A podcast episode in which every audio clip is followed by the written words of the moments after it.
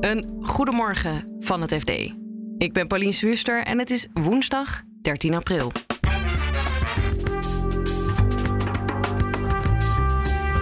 Vrijdag kwam de Russische oligarch Igor Kassayev op de sanctielijst. Een deel van zijn vermogen stond in Nederlandse vennootschappen.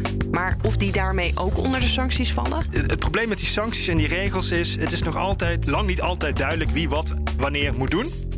Milieudefensie wil dat Ahold ook verantwoordelijk wordt voor de uitstoot van hun leveranciers en klanten. Je kunt die producten in de schappen niet loszien natuurlijk van waar ze vandaan komen en waar ze heen gaan. En de ECB komt morgen bijeen, maar analisten verwachten weinig actie. Dat klinkt op zich logisch en de ECB kennende, ja, doen ze ook niks. Maar ja, eh, je weet het natuurlijk nooit. Dit is de dagkoers van het FD. De Russische oligarch Igor Kassayev staat sinds vrijdag op de sanctielijst van de EU. De oprichter van Megapolis, de grootste distributeur van sigaretten in Rusland, had naar schatting 1 miljard euro in Nederland staan.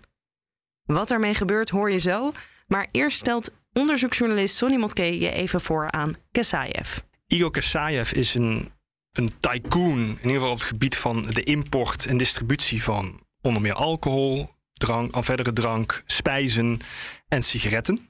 Ja.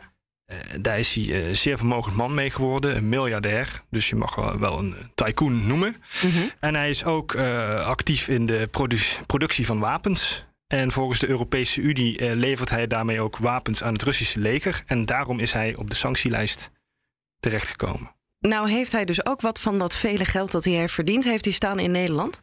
Ja, wij hebben kunnen uh, traceren dat er drie vennootschappen zijn die in Den Haag staan, waar uh, de heer Kassayev uh, aan verbonden is. Het zij als bestuurder, het zij als aandeelhouder. En wat opvalt is dat bij elkaar opgeteld de balanswaarde van die bedrijven op meer dan 1 miljard euro uitkomt. En wat wij kunnen zien is dat de waarde van zijn belang ja. in het grote uh, concern dat Megapolis heet. En Megapolis, dat is dat grote Russische bedrijf dat aan uh, import doet en sigaretten distribueert. Ja. Weten we dan ook, want volgens mij je valt onder de sancties als je meer dan 50% van een bedrijf in handen hebt, toch? Ja, want nogmaals, sancties zijn personen. Dat, Ja. Daar kun je niet onderuit, of gewoon de naam van een bedrijf. Als het over een persoon gaat, zoals in het geval van Kesayev, dan valt onder de sancties bedrijven die waar hij een controlerend belang in heeft. Ja. Dat is volgens de EU-definitie meer dan 50 procent. Ja. Is dat het geval bij deze vennootschappen? Dat is de belangrijke vraag. Dat kunnen we eh, ja, eh, niet met 100% zekerheid zeggen. In ieder geval voor één van die drie vennootschappen is dat niet zo. Dat heeft een Nederlandse bestuurder van die BV ons laten weten. Ja. Want twee andere vennootschappen, waar ook die 1 miljard in staat, is dat niet duidelijk. Er wordt niet antwoord gegeven op de vraag of uh, de heer Kassayev daar nog steeds een controlerend belang in heeft. Die Kassayev die zat in de Raad van Commissarissen ook van een van die BV's en daar is hij, in, hij is teruggetreden. Ja, je kunt wel zien dat het, die sancties die overvallen je toch op enige manier altijd. Uh, je ziet vaak vlak voor of vlak na een datum worden toch allemaal veranderingen doorgevoerd.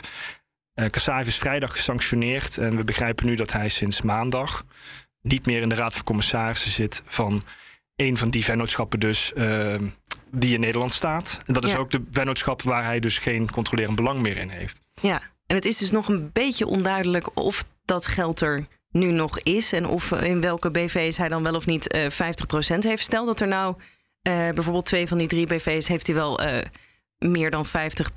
Eh, wat gebeurt er dan met dat geld? Dan wordt dat, uh, dat bedrijf effectief bevroren. Dan kun je niks meer verkopen. Dan kun je geen transacties meer doen. De bestuurders die eraan betrokken zijn, kunnen zich geen salaris meer uitkeren. Dan is het de facto bevroren, zoals dat heet. Ja, en zo'n eh, Nederlandse bestuurder die dus in, eh, nou ja, actief is in meerdere van die BV's, toch? Ja. En bij die ene zegt hij dan: oké, nou hij heeft hier minder dan 50%, eh, dus dat valt niet onder de sancties. Maar stel dat het nou meer is in een van die andere BV's, moet hij dat dan melden bij Stef Blok of weet ik veel wat voor loket? Wederom een hele goede vraag, zouden ze bij de overheid zeggen. Het, het, het, het probleem met die sancties en die regels is: het is nog altijd niet duidelijk, lang niet altijd duidelijk wie wat wanneer moet doen. Ja. En dat geldt ook in dit geval, want in het geval van de megapolis-vennootschappen. Zover wij kunnen zien, is daar geen trustkantoor bij betrokken. Het zijn al de trustkantoren die de meldingen bij DNB moeten doen. Ja. Nu dat niet zo is, uh, is dit eigenlijk voor DNB meer een blinde vlek. Uh, want dan komen zij niet op die manier bij ons op de radar. Dat kan ook nog via een bank natuurlijk zijn. Mhm. Maar onduidelijk is of er een Nederlandse bank bij betrokken is en zo ja, welke. En voor die bestuurders geldt, die Nederlandse bestuurders, ja, die zijn dat uh, aan titre personeel een beetje. Voor zover wij weten, hebben die niet dezelfde plicht als een trustkantoor hebben. In ieder geval niet om bij DNB te melden. Of zij op het anderzijds een manier het alsnog moeten doen, dat is een vraag die Den Haag moet beantwoorden. En die hebben we nog niet beantwoord gekregen. Vandaag is de aandeelhoudersvergadering van Ahold Delhaize. Milieudefensie wil daar het supermarktconcern dwingen om zich meer in te zetten voor het klimaat, zoals ze dat ook eerder deden bij Shell. Wat ze precies willen van Ahold vertelt redacteur retail Julia Cornelissen. Milieudefensie wil dat Ahold net als Shell eigenlijk verantwoordelijk wordt voor de uitstoot van zijn leveranciers en klanten.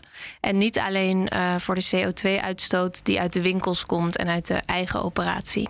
En nou hebben ze die zaak tegen Shell ook uh, gewonnen. Betekent dat dat Ahold dit ook heel serieus neemt? Ja, dat, ik denk dat dat wel uh, Milieudefensie een geduchte partij maakt. Uh, uh, alle bedrijven hebben kunnen zien hoe grote gevolgen kunnen zijn van zo'n rechtszaak. Dus ik denk dat ze dit daarom heel serieus nemen. En ook al met Milieudefensie in gesprek zijn geweest, bijvoorbeeld. En heb je dan al een idee wat er dan tijdens zo'n gesprek wordt gezegd? Um, nou, ik begreep dat uh, Ahold de, de vragen van Milieudefensie uh, zei te begrijpen. Ahold werkt zelf aan klimaatdoelen voor die uitstoot van leveranciers en klanten. Um, en daar komen ze eind van dit jaar mee. Met dus, hoe ze dat gaan doen, dat ja, terugdringen. Precies, hoe ze die uitstoot gaan terugdringen. Um, dus ik denk dat ze nog weinig concreet daarover hebben gezegd. Um, ze zeggen wel dat ze het een belangrijk onderwerp vinden. Maar goed, dat uh, zal ieder bedrijf in deze tijd zeggen. Is het dan realistisch dat Ahold de doelen ook haalt die Milieudefensie wil van ze? Nou, um, uh, dit zei ook een, een bron in mijn artikel. Het is echt een enorme klus, een ingewikkelde klus ook, want ze hebben het veel minder in eigen hand dan hun eigen koelkasten en hun eigen vrachtwagens. Ze moeten precies weten welke grondstoffen er in producten zitten, welke weg die producten hebben afgelegd, hoeveel uitstoot er zit bij klanten. Uh, denk aan voedselverspilling, dat is ja. heel erg vervuilend. Maar dat heeft Ahold minder in eigen hand op het moment dat het al bij de klant zit. Want ze, ze, zeggen het heel belangrijk te vinden, maar eh, op hun inderdaad het deel wat ze wel zelf in de hand hebben, doen ze daar al veel aan? Ja, ja, daar zijn ze wel druk mee bezig. Maar het is wel belangrijk om uh, te noemen dat dat 5% van hun totale uitstoot is. Dus echt het, veruit het overgrote deel van de CO2-uitstoot zit verderop in die keten. En dus bij leveranciers en klanten. Ja, dus als ze een impact willen maken, dan moeten ze daar ook wel gaan kijken. Ja, ja, precies. En het is misschien ook wel logisch dat ze er iets aan moeten doen. Want je kunt die producten in de schappen niet loszien natuurlijk van waar ze vandaan komen en waar ze heen gaan. Dat is eigenlijk maar één, één schakeltje. Ja, en volgens mij heeft Milieudefensie een deadline gesteld van uh, 15 april, toch? Dan, dan ja. moeten de bedrijven reageren. Ja, klopt. Ze hebben 29 bedrijven aangeschreven naast Shell. En die hebben tot 15 april de tijd om uh, met, uh, met doelen te komen om die CO2-uitstoot terug te dringen. Um, een onafhankelijke partij gaat die doelen doorrekenen.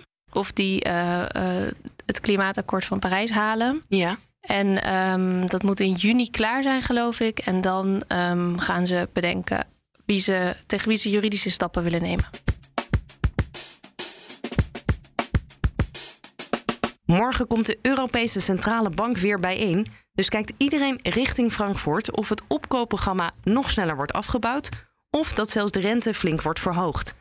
De analisten die verwachten weinig, vertelt onze ECB-watcher Joost van Kuppenveld. Nou, ze verwachten dat er nu niks uh, gaat gebeuren. En dat ligt voornamelijk aan het feit dat uh, er geen nieuwe economische prognoses zijn. En daarmee onderbouwen ze altijd uh, wat ze gaan doen.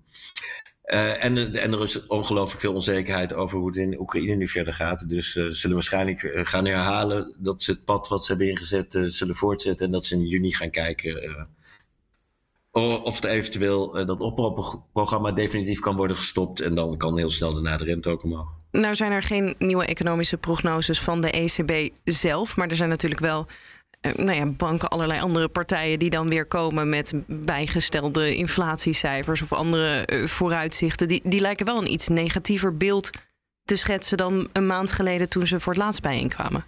Ja, de ECB die, die loopt wat dat betreft ook altijd achter de feiten aan. De inflatie verrast overigens iedereen. Dus ook uh, die analisten moeten dus ook hun uh, uh, dingen bijstellen. Dus Ja, die doen dat, die doen dat het, op het moment dat er nieuwe cijfers komen, dan nemen ze dat gelijk op in de modellen en dan holt dan een hoger cijfer uit. Maar ook zij worden steeds verrast. En, en zijn dan die analisten, want die verwachten dus dat er niet zoveel gaat gebeuren, vinden ze dat ook verstandig? Of? Ja, dat, dat, daar, hebben ze, daar hebben ze over het algemeen geen mening over. Hun werk is om te kijken naar wat ze denken dat de ECB gaat doen. Ja. En er zijn andere mensen, zoals uh, hoogleraren over, over het algemeen, die hebben wel een mening. Want die vinden uh, op basis van hun expertise uh, dat, dat er wat moet gaan gebeuren. Maar die an analisten van banken, die, het is op zich hun werk niet. Nou hebben wij het dus weer uitgebreid over wat de analisten verwachten. De vorige keer toen wij elkaar spraken over de ECB, toen waren de analisten en jij ook enorm verrast over wat ze aankondigen. Um, kan je een beetje inschatten hoe groot de kans is dat we er weer naast zitten? Nou ja, verrassingen kun je niet voorspellen. Dus dat is een beetje, uh, dat is een beetje lastig. Um, nou, normaal gesproken zitten ze vrij goed, want het is hun enige werk is te bedenken wat, wat ze gaan doen. En daarmee zitten ze vrij goed. En vorig jaar zaten ze ernaast en dat was dus voor het eerst een hele lange tijd. Maar dat verwacht je niet dat dat weer gebeurt? Ja, ik, kan het moeilijk verwachten. Ik, ik, ik, ik, op zich lees ik wat, wat, wat zij doen en dat, dat klinkt op zich logisch. En de ECB kennende, ja, doen ze ook niks. Maar ja, je weet het natuurlijk nooit. Misschien dat de paniek daar inmiddels is toegeslagen, net als bij de Amerikaanse centrale bank. En dat, ze, dat ze toch iets willen gaan doen. Maar die kans lijkt mij heel klein, want dat doet de ECB doorgaans niet.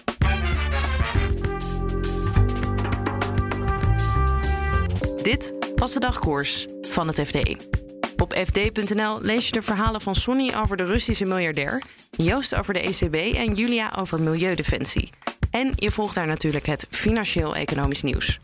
Dagkoers volg je in je favoriete podcast-app. Zoek ons daar even in op en klik dan ook op abonneren. Dan staan we morgenochtend automatisch weer voor je klaar. Een hele fijne dag en tot morgen.